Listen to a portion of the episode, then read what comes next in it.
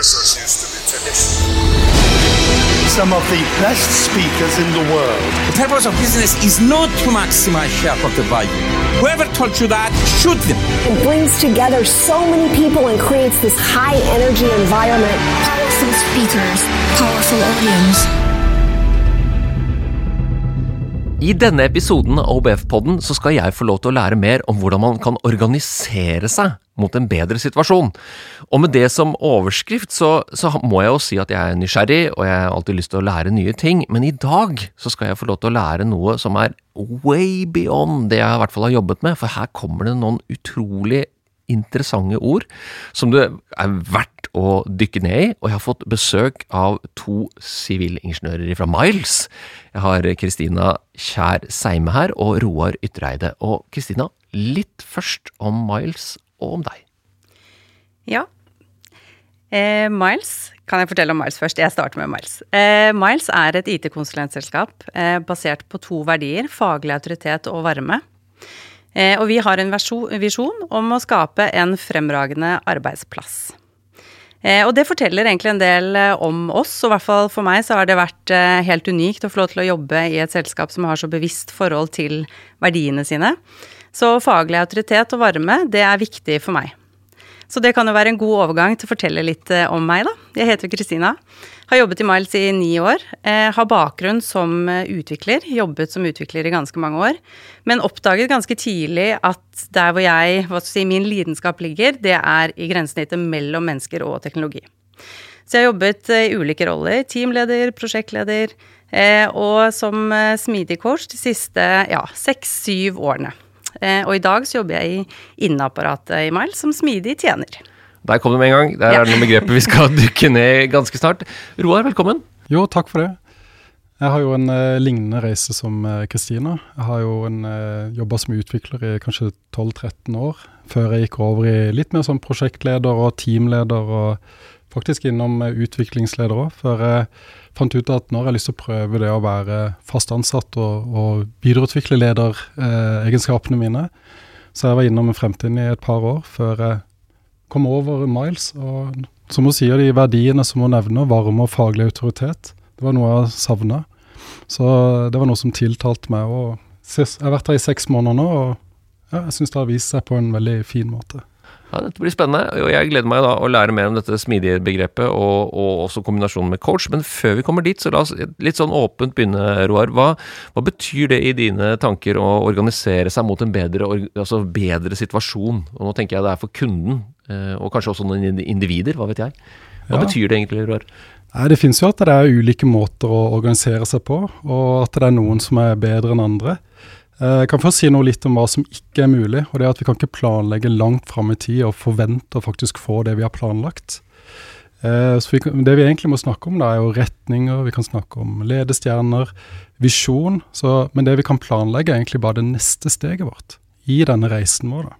Så, for det er så mye imellom da, som må vokse fram organisk, eh, sånn at selskapet skal lykkes. da. Og På veien dit så kreves det jo mye god ledelse, og det er jo der de smidige coachene kommer inn å styrke både lederen og teamet i dette arbeidet. Så dere er en slags enablere for å sørge for at det er framdrift. Og med smidig så mener dere rett og slett at når det dukker opp eh, uenigheter eller misforståelser eller hva det er, så skal dere gå inn der og hjelpe til at man kommer opp på track igjen? Ja, ofte i sånn den gamle vannfallsmetoden da, så er det at du tar veldig mye risiko, og det er mye som skal planlegges i forkant. Mens vi på den smidige måten så tar vi mer risiko underveis. Uh, og på denne reisen da, så kan vi ikke forutse alt som skal skje. Så derfor så må vi inn underveis klare å ta disse aktive, gode beslutningene underveis i, sammen med leder. Da. Det er ikke noe du kan bare si at du vil i en retning, og så at det skjer. Men du må være der med hele veien og, og bidra. da. Og jeg må spørre, Kristina, dette smidig-begrepet, kan du hjelpe meg litt for også andre som kanskje ikke kjenner det så godt, men i hvert fall jeg, da, som den største uviten her. Hva, hva er det for noe? Du, Det er et godt spørsmål, eh, og jeg tror du får eh, veldig mange ulike svar basert på hvem du spør. Det er et stort og vidt begrep. Det stammer jo fra agile på, på engelsk, og så har vi eh, adoptert det som smidig her i Norge, da. Eh, men det handler egentlig om det å, å, utforske og finne bedre og smartere måter å jobbe på eh, sammen. Eh, og som Roar sier, så har man sett en del ulemper da, med dette hvor man legger veldig detaljerte planer, eh, kanskje i mange måneder, før man faktisk starter å, å jobbe med materien. Eh, og da bygger vi opp masse, masse risiko. Så smidig handler egentlig om å dele dette i mindre biter, eh, og planlegge litt, jobbe litt, validere, lære, justere planen og så jobber vi litt, og sånn holder vi på i små sykler eh, istedenfor. Eh, så et fag, kan du si, i forhold til det å klare å jobbe med produktutvikling, med produkter som faktisk treffer og gir verdi for eh, sluttbrukere og kunder, da. Nå kommer dere antakeligvis til å le litt, og du sier litt om hvor gammel jeg er. Jeg tror det var sånn ca. 1989 eller sånn, så tok jeg et kurs i prosjektledelse på BI. Eh, og jeg husker prosjekt Case var en sånn oljeplattform. Altså Man skulle liksom forstå stegene i hvordan man planla og bygde en oljeplattform. Det var helt crazy pensum. Og jeg har selvfølgelig aldri vært i nærheten siden til å kunne bygge en oljeplattform. Men jeg skjønner jo at det der har jo noe for seg i den kall det litt sånn gamle måten å legge planer for alle stegene. Mens det dere sier, hvis vi skulle bygd en oljeplattform, da, så måtte vi ha gjort dette steg for steg. Er, det, er vi der, Roar? Er det der, det så, smidig kan gjøre for oljeplattformen min? Ja, Nå kjenner jeg ikke så godt til hvordan man bygger opp en uh, oljeplattform. Men ganske hvis, intrikate greier. Ja, sånn. ja, jeg vil tro det er ganske komplisert. Og spesielt hvis det innebærer forskning, så tror jeg at du trenger smidig da, det, det tankesettet. Men hvis du tenker et hus, f.eks., og det å bygge opp et hus, så kan du jo planlegge relativt greit etter en god planlegging. Når skal rørleggeren komme, når skal ja. elektrikeren komme? Fordi kompleksiteten, f.eks. sikringsskapet eller rør i rørsystemet, den, den kompleksiteten er allerede arbeida ut. Sånn at du, du, trenger ikke å finne ut av det underveis mens du bygger huset. Sånn men sånn er det jo i software. Man må ta de der kompliserte diskusjonene og eksperimentene underveis. Så vi vet egentlig ikke helt hva som treffer oss. Altså, I den første fasen av IT-utvikling så var det jo ofte veldig mye vekt på kravspekker. Altså det var forventa at eh, kunden skulle kunne levere en så komplett kravspekk som mulig, slik at programmererne kunne lage det som kunden forventet. Og så har man jo hatt utallige eksempler på at matchingen mellom den kravspekken og virkeligheten ikke helt var den samme. Og Programmererne lager jo det som står i kravspekken. More or less. Er ikke det riktig? Jo, så det er jo grenser for hvor mye du kan be programmereren tenke sjæl. Og forstå hva kunden vil. Og det er jo her jeg opplever at disse sprintløpene og dette med eh, agilitet, da, eller smidighet som dere kaller det, kommer inn. Er ikke det riktig? For å, for å gjøre at den avstanden blir mindre. Er det en riktig fortolkning for en leggperson? Jeg kan i hvert fall si selv, da, som utvikler, så har jeg jo sittet der, fått en Krasbekk inn som jeg har fulgt til punkt og prikke, for så etterpå å bli fortalt at dette var jo helt feil. Ja, det, det var ikke dette vi ville ha.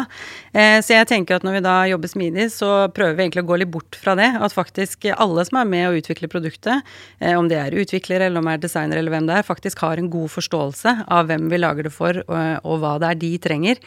Så litt bort fra de Krasbekkene, egentlig. Ja. Eh, ja, det er jo litt eh, deilig det, men det å prøve å eh, for vi sa i sted i forhold til smidig, vi bruker ofte det når vi har et kjent problem, men en ukjent løsning. Så vi vet hva det er vi skal løse, men vi vet ikke akkurat hva det er som, som treffer. Eh, og da er kanskje ikke kravspekk eh, den beste medisinen da, for å komme deg dit du vil. Mm. Og Roar var jo litt inne på det her, men det er noen prinsipper som gjelder. Men det er vel noen mønstre også, er det ikke det, Roar? I forhold til den her, hvordan man jobber på for å forbedre denne ja, reisen, da, eller hva dere kaller det? I tillegg til det med bestillinger og det vi får inn til utviklere, så er det også det at ledere er veldig gode på det å sette opp veikart, gjerne flere år frem i tid. En ting som jeg syns er viktig, er at vi fokuserer kanskje på de tolv neste månedene. For da får du også lederen til å fokusere innenfor de tolv månedene. Og det er jo sånn at Innenfor veikart så kommer du på mange gode ideer. Og de sitter og pumper inn mange ting som vi skal gjøre. Men så er det jo sånn at det er ikke alltid at du, alle de ideene du har, er gode. Så det kan jo være at vi faktisk sitter og utvikler ting som rett og slett ikke er så smart, og som vil gi oss store kostnader i etterkant. Så det at lederen og veikartene kommer tettere på utvikling, at vi jobber mer sammen for å komme fram til de gode løsningene, det er, det er, veldig viktig. da. Men da er vi på sånn scope, altså tidshorisonten. Hvor kort skal det være, tenker du, Roar? Et optimalt prosjekt? Jeg tenker at du du jobber, kan se tolv måneder fram i tid, så kan du gjerne ha noen prinsipper og tanker om vi skal i skyen om to år. Og, men, men, på detaljnivået så, så, må du vente litt med å gå ned, og at vi har fokuset på de neste tolv månedene. typisk. Og så er det noen mønstre i dette. Eller noen antimønstre, fortalte du meg her før vi begynte. Ja, antimønstre på godt nynorsk. Anti-patterns. Ja, vi ser jo ofte det at uh, av de tingene vi ønsker å få til, så ser man jo av og til litt det motsatte uh, skje, av ulike årsaker. Eh, og en av disse tingene som vi har en del fokus på, det er det vi kaller for ressursoptimalisering. Kanskje vanskelige ord. Eh, men ofte så ender vi opp på et sted hvor vi som medarbeidere har fryktelig mye å gjøre, rett og slett. Vi har veldig mye å forholde oss til til enhver tid. Eh, og vi er veldig opptatte. Vi har ting å gjøre. Det er viktig for oss at vi hele tiden er litt sånn eh, busy. Eh, og det kaller vi, eh, eller ser vi på som et litt sånn eh, antimønster. Eh, det at vi har fokus på at du og jeg hele tiden skal liksom løpe i det hamsterhjulet og, og passe på at vi, vi, har mye å gjøre. Så det ressursoptimalisering, det er et, eh, et umønster, eh, tenker vi. Hmm.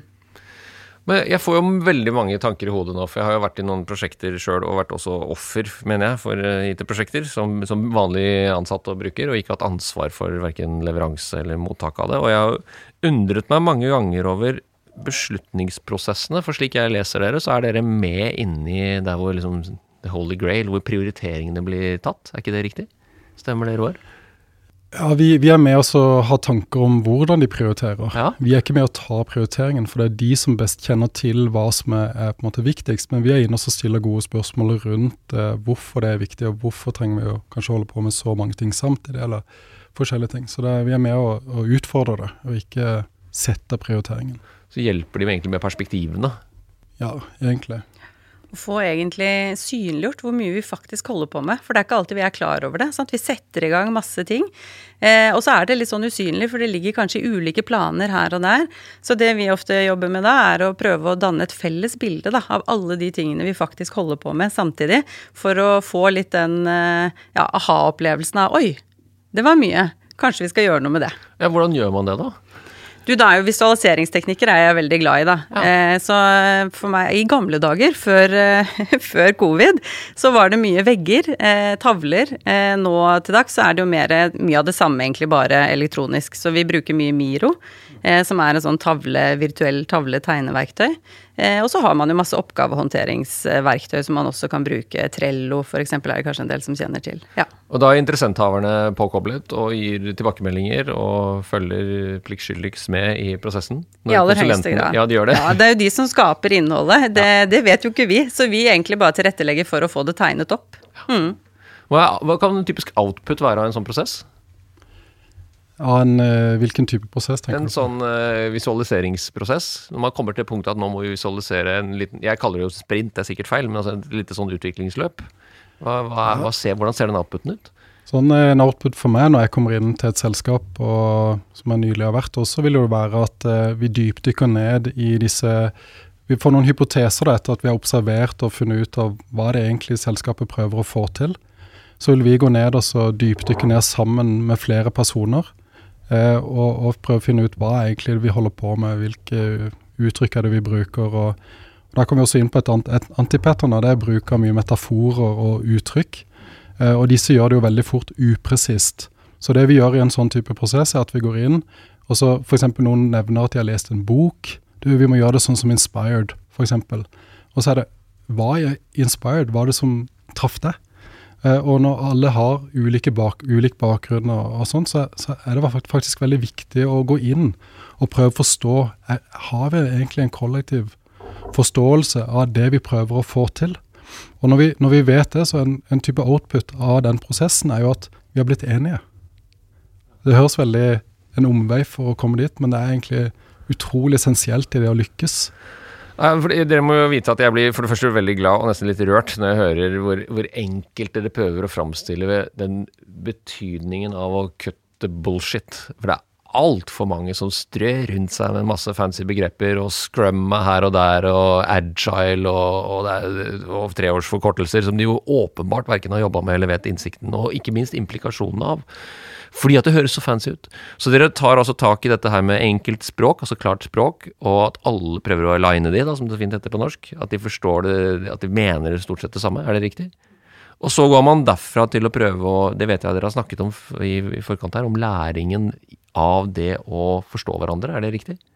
Så at dere får de liksom til å tenke at innenfor det tolvmånedersperspektivet ditt, Roar, så er det mulig å er det, Setter dere læringsmål, da? Altså jeg er jo lærer, så jeg ville jo sagt at det må være en måte å gjøre det på. Ja, Hva som- forventer vi å lære innen tre måneder, seks måneder, tolv måneder? Ja, det som jeg liker å gjøre, er jo at jeg introduserer også litteratur samtidig som jeg, jeg jobber sammen med nye. At det, du får de til å bli litt utfordra med ny kunnskap. Eh, fordi det, det er ofte litt lite av det i, i selskaper, at eh, mange lærer litt hver for seg. Men det er også kollektivt ha en retning på, at vi får en felles retning på hva man har lyst til å få til, og at man leser de samme tingene, blir enige om hva vi skal gjøre før vi faktisk setter i gang, eller i hvert fall underveis. Det, det kan jo være litt sjelden. bare. Og en ting jeg tror hvorfor det skjer, da, er at jeg har vært leder sjøl. Og, og der så er det jo sånn at du har en lederskole og, og sånn, men, men samtidig så settes jo av veldig lite tid til personalledelse, til å faktisk praktisere den ledelsen. Det er ikke sikkert jeg har eierskap til å gjøre så veldig mye. Sånn at eh, eh, jeg tror i hvert fall det er veldig viktig å, å gi en sånn type lederstilling, da, også eh, hva det egentlig selskapet ønsker å få til.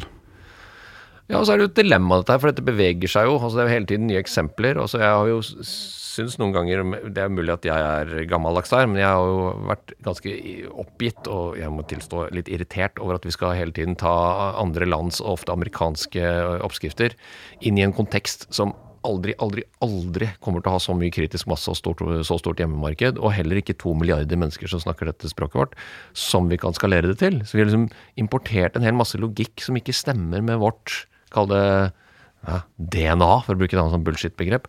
Så det jeg er litt sånn nysgjerrig på, er hvordan ja, Fint at du prøver å Det er jo som å høre en lærer, Roar. Her, her har dere en bok som dere kan lese. Men hva er det som virker på disse lederprosessene, og hva er, det, hva er det som får de til å bli nysgjerrig og, og prøve å optimere det dere prøver å bidra med? Det er jeg litt nysgjerrig på. Kristina, vil du prøve på det? Nei, jeg tror jeg, er, jeg er så enig med deg i det du sier. Det er noe med å sette det inn i egen kontekst. For uansett om det hadde vært sammenlignbare organisasjoner på størrelse, så er det ikke det samme. Sant? For det er helt andre mennesker du jobber sammen med. Så det tror jeg kanskje er det første. Man kan gjerne bruke de begrepene og la seg inspirere, men så må vi da faktisk snakke om hva det betyr det for oss. Eh, og når vi har funnet ut av det, så er det sånn jaha, men hva skal vi bruke det til, da? Ja, det er jo et eller annet mål, eh, og da tror jeg også når man snakker om smidig, så er det litt for mange som snakker om det som målet. Det er det jo ikke. Det er et middel for å nå et eller annet forretningsmål du har. Eh, og da tror du at dette vil hjelpe deg i større grad til å ta deg dit enn hva nå enn du gjør i dag. Eh, så jeg tror det å eh, vi, setter, vi bruker mye tid på refleksjon å sitte og snakke sammen, og så høres det kanskje litt sånn banalt ut. Eh, men det er utrolig viktig, eh, og jeg syns vi gjør altfor lite av det. Det er for mye hamsterhjul og, og opptatthet. Men i har du en definisjon av refleksjonsøvelser? Jeg er jo lærer, så nå er det en prøve på ja. eleven min. Ja, altså inni Smidig så finnes det jo en del teknikker, og retrospektiv kalles det ofte der. men jeg er nok mer fan av å ta det litt underveis. Altså det, det oppstår et eller annet, og trekke litt sånn i nødbremsen og si hva, hva skjedde nå? Eh, hva kan vi lære av det? Eh, men jeg tror for de fleste så er det fint å ha faktisk noen faste arenaer. Eh, om det er en halvtime i uka, eller hvor vi bare har en litt løs agenda, rett og slett. Verdens ja. enkleste måte å reflektere på er jo å sette seg tilbake i den situasjonen man var før en hendelse, og så tenke over gitt det jeg vet nå, hva ville jeg gjort annerledes? hvis jeg kunne gå tilbake. Og, og, den enkle refleksjonen er det jo veldig få som tar seg tid til å gjøre. Akkurat, akkurat ikke sant, for de er så travle. Og så blir de så opptatt av et Roar, og så kunne slenge ut av seg det siste nye, i hvert fall en slags fortolkning av det siste nye. Og det kan godt hende at dere også er med på å hause det litt opp. Her kommer Miles inn, skal sikre at dette blir en god prosess, det er smidig, eh, og vi skal snart snakke om dette, det er til og med coaching. Er, det sånn at det blir litt sånn, litt sånn euforisk, litt, litt sånn der halvreligiøst, halleluja, nå, nå blir det bra, dere? Dette blir det beste IT-prosjektet noensinne? Nei. Nå skulle dere ha sett det. Nei, det det, det, gjør jo faktisk Det gjør ikke det. Nei, Nei må ta oss ned som, på landjorden igjen, Roar. Det som, det som jeg pleier å gjøre, er at uh, jeg liker også å fortelle kunden hva mine ambisjoner Jeg prøver å ha minst mulig ambisjoner, ikke, i hvert fall ikke at de overskygger kundens ambisjoner. Uh, det som er viktig for meg, er at de, uh, de forstår hvor jeg kommer fra. Så jeg, jeg blottlegger meg ofte helt på, på, hva jeg kan, hva jeg liker å gjøre, hvordan jeg liker, liker ting bedre enn andre osv. For da, da, har de en sånn formening om, om også at de kan arrestere meg hvis jeg går ut av proporsjoner av hva vi egentlig, hvilke ambisjoner vi hadde. da.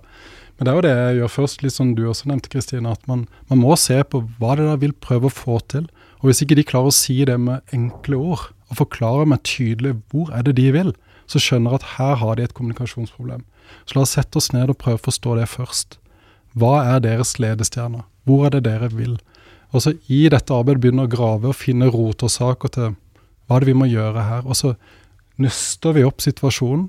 Eh, og jeg kommer akkurat fra et endringsprosjekt og, hvor jeg var inne som smidig coach. og egentlig fått eh, veldig gode tilbakemeldinger på akkurat den biten. da, At folk får lov til å lære, de får lov til å, å bli med og, og, reflektere rundt situasjonen, hva de har gjort. De får faktisk tid til å sette seg ned, og de har en som på en måte driver de gjennom prosessen på en ufarlig måte. da. Ja, for da snakker du med én og én, Roar? Nei, også gruppe. Og grupper, ja. Ja, en og en er mer i observasjon. Mm. Mens eh, når, når, på en måte vi skal eh, prøve å etablere noe, så er det jo egentlig helt uvesentlig at én mener det.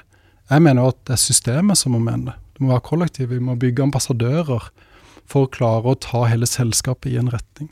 Så hvis en leder går hjem og finner for en god idé, nå skal vi reorganisere teamene på den måten, og så bare levere ut en slide på hvordan det skal se ut, så er det veldig vanskelig å adoptere det. Og det er mest sannsynlig vil det være noe feil kanskje med den organiseringen, for da har de ikke gjennomtenkt alt. Så det, jeg mener at det er viktig å bruke tid på disse tingene, og, og kanskje også utfordre hvor er det vi bør starte å endre. Så det, det tar litt tid, og det kan virke litt sånn ukonkret for mange, men det er et utrolig viktig, og, viktig arbeid. Men jeg tror den eh, religiøse litt sånn kumbaya-følelsen fort kan komme da, nettopp fordi det er så mange fremmedord.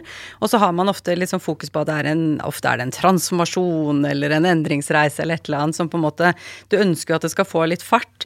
Så jeg tror nok eh, at det kan oppleves sånn også av mange i organisasjonen. Og det er jo da egentlig, i hvert fall vi har mye fokus på å prøve å ta det litt ned, da eh, og rydde litt opp i den der jungelen av buzzwords og buzzword bingo, hva man enn kan spille og gjøre med den, eh, og prøve å, å, omsette det i noe vi faktisk kan bruke.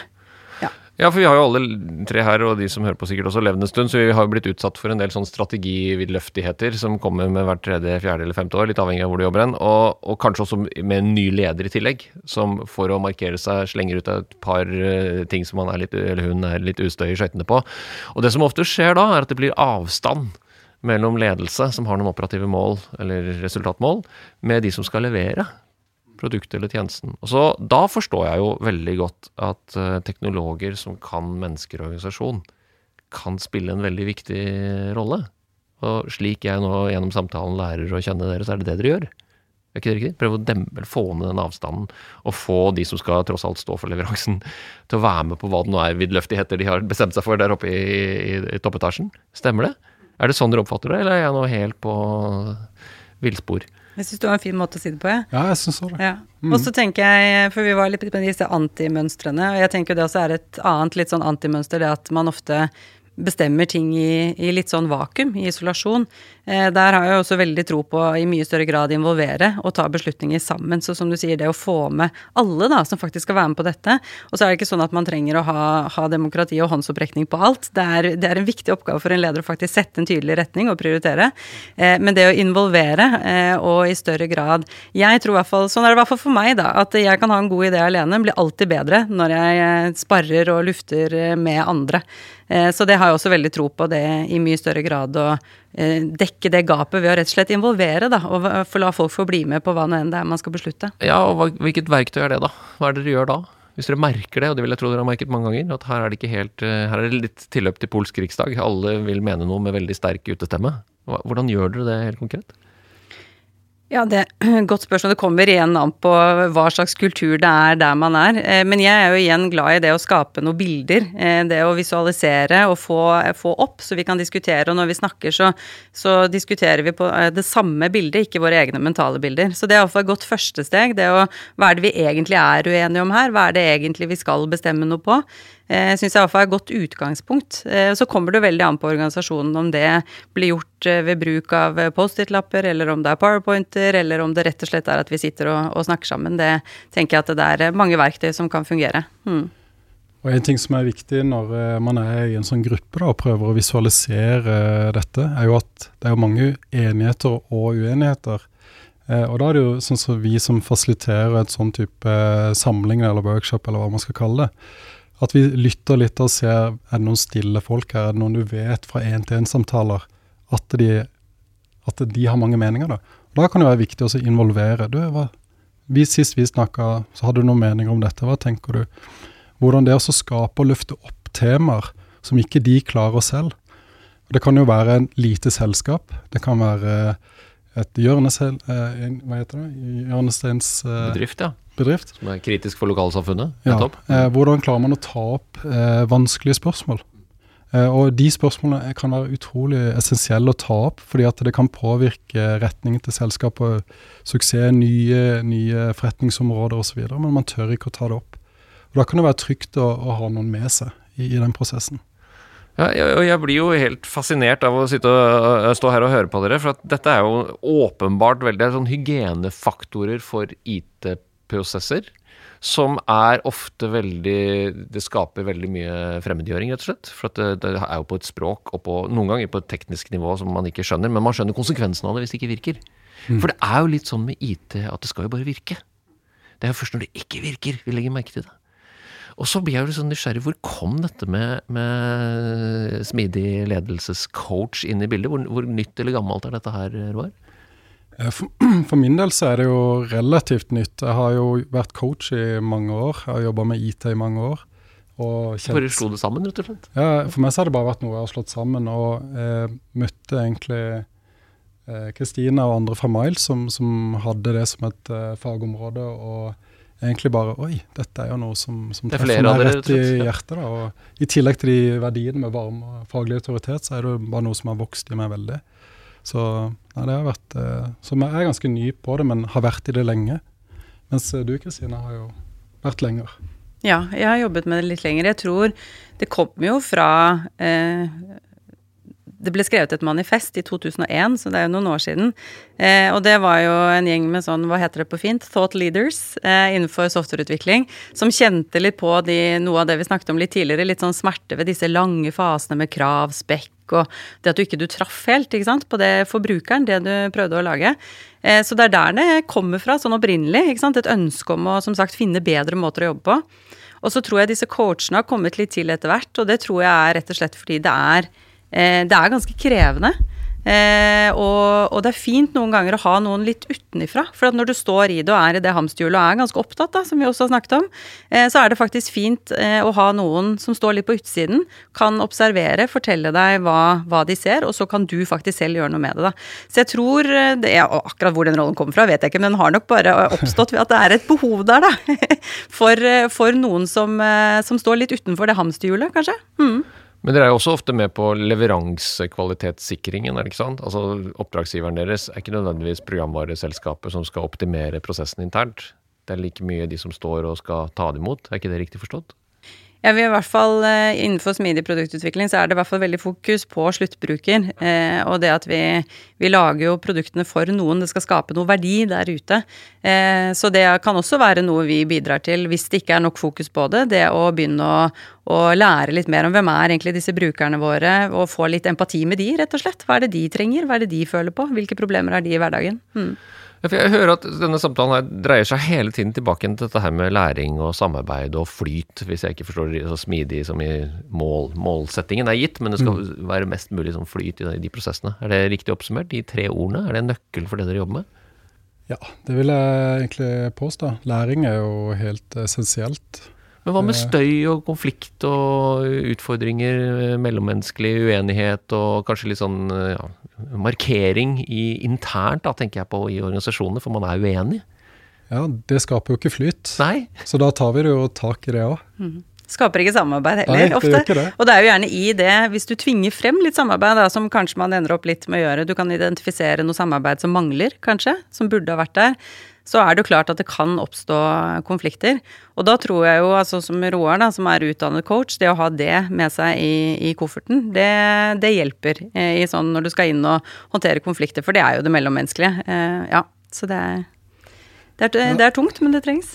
Det er jo litt sånn eh, har jo vært en situasjon hvor det har vært ganske hard, eh, høy stemning og litt brøling. og Det blir ganske intenst når folk virkelig bryr seg om produktene de lager. og, og sånn, og Da er det viktig, greit å ha den bakgrunnen som du nevner, at jeg har coach-bakgrunn. At eh, nei da, nå må jeg bare forstå frustrasjonen. Hva er det som ligger bak denne frykten i det de holder på med? og Du blir mer nysgjerrig enn at du blir egentlig opphausa av det at det er noen som roper, eller at situasjonen er litt ute av kontroll. da. Ja, jeg, ja, jeg skulle kjent deg for mange år siden, for det, det, jeg, har vært veldig, og jeg har vært frustrert mange ganger. Og, og senest en, den, en stor stor IT-prosess og prosjekt som jeg mener er oppskriften på hva som er galt. For at den var aldri forankret i den som endte opp med å skulle sitte og gjøre jobben i det i verktøyet. Og jeg tror nok ganske mange føler på en sånn fremmedgjøring. Jeg prøvde å spørre dere om det i sted også. Hvorvidt klarer dere å se at i organisasjoner så vil det være strebete mellomledere og helt, helt bortreiste toppledere som tar beslutninger som får så store konsekvenser. At ja, du kan gå og føle på litt sånn ja, det er ikke det beste samarbeidsklimaet med kollegaene dine, men du har jo en jobb å gjøre. Og de aller fleste, jeg sier ikke alle, men de aller fleste har en sånn faglig stolthet knytta til jobben de gjør. Og så kommer det sånne prosjekter og prosesser som er bare fra en annen planet, som du må forholde deg til. I tillegg til alt det du gjør allerede med på de produktene i avdelingen, eller at du har noen team som du deltar inn i, Ja. og du begynner å få veldig mange avhengigheter og ikke minst sånne kompliserte domener som du driver og følger med på. Så arbeidshverdagen din kan jo fort bli utrolig utholdelig, da. Og I tillegg så er det jo det med team og det med prosesser og smidig. Det, det er ofte lett å litt angripe òg, for det er så etablert. Uh, og det er så synlig. Men hva er det egentlig ledelsen de driver på med? Det er ikke så alltid så lett å, å, å forstå, da. Uh, og sånn sett så er det lett å angripe. Og, og veldig mange ledere når vi kommer inn, ønsker å gjøre store endringer i teamene. For det, at det kjenner de til. Men av og til så utfordrer vi også oppover, da. eh, I ledelsen. Og det er ofte det nivået vi ønsker å komme inn på. Og diskutere og få se hvordan står det egentlig litt til med, med selskapet. da, og, For det, der, der skjer det også mye som er veldig viktig å, å faktisk ta tak i. da. Og så er det jo lett for meg å kritisere ledelse, for de ser jo det de nødvendigvis ser. Men det å prøve å påvirke kan også noen ganger bli veldig feil, fordi at man blir oppfattet som en slags torn i øyet eller en hva heter det stein i skoen eller en sånn annen type bilde. da, For man står steilt på en arbeidsforståelse ut ifra sin situasjon. Og ledere skal jo tross alt måles innen det neste året eller de neste tre årene, eller hva det nå er som er eh, rammeverket. Så jeg, jeg skjønner jo selvfølgelig frustrasjonen, men er det vanskelig for dere å nærmest rangere de der, eh, ja, disse frustrasjonene inn mot den prioriteringen som lederne må ta? Det, eller går det helt av seg sjøl? Jeg, pleier å se litt mot eh, Sånn som For min del så hadde jeg jo ikke kjempemye lederbakgrunn før jeg ble leder i dette selskapet. Og det er jo ofte sånn at du blir forfremma eh, til en leder fordi du har vært god prosjektleder og du har vært god på andre ting. Eh, og, det er jo mange som ikke har den erfaringen eller kunnskapen til å kunne ta disse gode beslutningene. Eh, og Derfor kan det også, jeg har også opplevd at når vi kommer inn og, og stiller spørsmål, at det er veldig mye velkomment egentlig på, på dette. og Ja, det er min opplevelse også. Men, eh, men det er klart, det er jo Ja, som du sier, det er jo av og til tunge diskusjoner, men min opplevelse også er at det, det stort sett er ganske velkomment det å få ja, noen som kanskje er litt mer nøytrale oppi det. ikke sant? Til å fasilitere, hjelpe til, skape litt empati for hverandre. Eh, For alle har jo grunner for at de gjør som de gjør og tror som de tror. Eh, Så den ene har ikke nødvendigvis noe mer rett enn den andre. Så det å skape litt kanskje den nøytrale grunnen da, som gjør at man igjen kan bli enige om hva det vi egentlig prøver å få til, og klare å dra i samme retning. Eh, Ja, det er min opplevelse også at det er Selv om det er litt høy temperatur til tider, så er, man, er det stort sett enighet om at dette er en god ting. Ja. Ja, så det blir egentlig sånn sett litt lynavledere for den nødvendige, kall det Dette har jeg ikke tenkt så nøye på, for det er, en, det er jo en spenning i alle organisasjoner, og særlig når det kommer noe nytt utenfra. Altså type et nytt system, eller en for, bare en forbedring av en prosess, eller noe som skal gjøre oss mer optimale, for det er det vi snakker om her. Så er dere da litt gummiklosser da, i dette her? Litt oversettere, eller hva, hvordan Nå prøver vi oss på å forenkle det, vet du. ja. Lynavlede var jo en fin eh, metafor, Ja, kanskje. jeg likte- Ja, Ja. Ta med dere det til neste workshop. Absolutt. Og så tror jeg også, for du nevnte dette med team, eh, team, Roar. Men det er ofte Min opplevelse i hvert fall var jeg har vært inne i mange team hvor det er absolutt alltid ting vi kan jobbe med å optimalisere. Men ofte er det på tvers av team. Det er der de store gevinstene ligger. da. Vi har ofte masse avhengigheter mellom team som vi ikke ser. Avhengigheter mellom enkeltpersoner. Eh, Så det som leder, å kanskje fokusere der, og hjelpe til med å både få synliggjort disse avhengighetene først, for da klarer vi å jobbe med de og gjøre noe med det. Og så bidra inn til å faktisk gjøre noe med det. For det er ikke så lett for det enkelte team å ta tak i. Eh, så jeg tror det også, det med flyt, eh, handler om Det er ganske sånn ende til ende på organisasjonsnivå, da. Eh, og der tror jeg at lederne er nøkkel inn i forhold til å virkelig være med på å skape den gode flyten. Ja, jeg skjønner jo hvorfor jeg ikke er leder, for jeg kjenner jo bare på en sånn oppgitthet over å tenke på alle disse menneskene som skal eh, ikke så selvledet, og de må ledes til å også forstå andres, kall det sårhet og faglig integritet. Så jeg, jeg, det må jo være litt frustrerende. Dere trenger noen lydavledere av og til, dere òg, jeg tenker meg, når dere har vært i en sånn prosess med litt høy temperatur. Ja, vi har jo hverandre. Vi sparer mye. det er godt å høre. Ja, ja.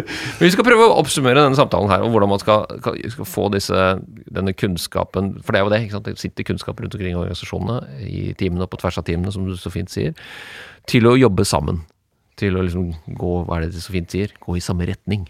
Høres jo fint ut. Hva er, det liksom, hva er must win battles? Hva må de få til, Roar, for å lykkes med det der? Nei, Det er jo litt det vi har snakka om. da. Vi må få til et uh, godt språk. Vi må forstå hvilken retning vi faktisk skal gå i. At vi, vi skjønner hva, hva, det betyr og innebærer for meg uh, i teamet, for teamet på tvers av teamene. Og at det må, det må henge sammen. da. Uh, og så må jo ledelsen være med på å Så ledelsen må kanskje av og til også høre på den som blir utsatt for den ledelsen eller den endringen? Og noen ganger kanskje revurdere litt av uh, målet, eller er ikke, det, er ikke, det, oppe på agendaen?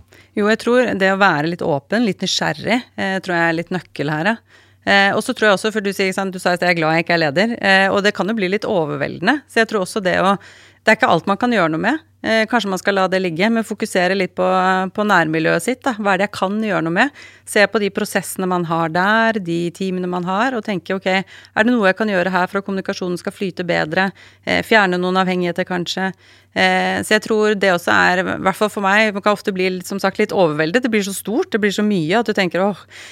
Men det å ta det litt ned, da, og tenke ok, men dette kan jeg i hvert fall gjøre noe med. Og så starte, og det er litt det smidige igjen, ikke sant. Det å prøve å bryte det opp i litt mindre biter og, og, starte å jobbe med å rett og slett få inn en sånn forbedringskultur. Det er også litt buzzword, men jeg bruker det likevel. ja. Når vi går mot eh, oppsummeringen av denne spennende samtalen, for jeg blir jo nysgjerrig på også det der helhetsbildet dere har, men også det mer konkrete operative. Hvordan oppsummerer du en sånn uh, prosess og samtale som vi har hatt nå, og hvordan dere jobber, Roar? Ja, jeg vil jo si at uh, dette handler mye om uh, ledelse, og nå som dere ledere som har hørt på nå, eh, at dette, når dere vet dette, så forplikter det litt at dere kanskje tar litt mer tak i dette. For det er jo sånn at eh, kulturen skapes jo av mennesker som, som, ser hverandre, hører hverandre. De snakker sammen, og de, de eh, samhandler sammen. Eh, og når du som leder er med oss og starter initiativ som på en måte påvirker denne samhandlingen, så bør du faktisk vite hva er det du holder på med. Eh, og, og da, er jo, da, er det jo, viktig å vite litt mer om det vi har snakka om her i dag, da, med flyt og læring og, og, samarbeid. Er det god læring etter du driver og leder? Det, blir det godt forklart, de transformasjonene eller de endringene du holder på med? Eh, og kan du være med og er samarbeidet godt? Er du med å stimulere hvor det er bra, men også spesielt der hvor det ikke fungerer? da? Så det er mange ting å ta tak i her. da. Så, ja. Og et lesetips kanskje til den som nå ble ekstra nysgjerrig på hvor begynner man en, eh, Roar? Ja, Litt sånn som du nevnte med å jobbe på tvers av team, og det er der man kan hente ut virkelig god effekt. Så jeg pleier å ta med meg en bok inn i ulike oppdrag, og det er 'Rethinking Agile' av Klaus Leopold. Eh, og Den er kjempelettlest, visuell, eh, gir deg mange gode innsikter eh, som er fine å, å lese. da gi det. Kommer raskt på plass. Tusen takk. Dette var jo så bra oppsummering. Nå trenger jo ikke jeg oppsummere, og det er for så vidt bra, for jeg har nok antagelig spint av gårde i en helt annen retning. Så takk, Roar. Men er det noe eh, last famous words, Kristina? Nei, når vi er på bøker, da, så kan jeg komme med et tips. Og det er, eh, det er litt sånn hakk i plata for de som kjenner meg. Men mye av det vi har snakket om i dag, i forhold til lederegenskaper, så handler det jo om eh, tillit og det å bygge tillit og relasjoner. Eh, og da er det en bok eh, som heter The Speed of Trust av Stephen Covey Eh, som jeg har, er min go to-bok, som rett og slett beskriver veldig godt hvordan du kan øve deg på det, og bli en person som klarer å bygge tillit. Så som leder så tror jeg at hvis man ikke har lest den, så tror jeg den kan gi masse påfyll i forhold til det å skape god flyt i organisasjonen. Og jeg må virkelig si tusen takk til dere begge to. Jeg hadde sett for meg at denne samtalen skulle være mye mer om sånn eh, ja, Jeg vet ikke hva jeg tenkte, sånn IT-metodikk og hvordan man optimerer og alt sånt. Men dere har jo vært uh, forbilledlige til å prøve å få det ned på et uh, klarspråk, som selv en sånn novise som meg kunne henge med på. Så håper jeg du som har hørt på, også har fått med deg litt sånn food for thoughts, for å slå til med en ny metafor på engelsk. Takk til Kristina og Roar for at dere kom. Og dere vet hvor dere skal ta kontakt hvis dere lurer på mer om smidighet og coaching og det hele. Det er Miles. Takk for nå. Takk for oss. Takk for oss. Hvis du likte denne podkasten, hadde vi satt utrolig stor pris på om du abonnerte og gir oss en tilbakemelding i avspilleren. Some of the best speakers in the world. The purpose of business is not to maximize shareholder value. Whoever told you that, shoot them. It brings together so many people and creates this high energy environment. Powerful speakers, powerful audience.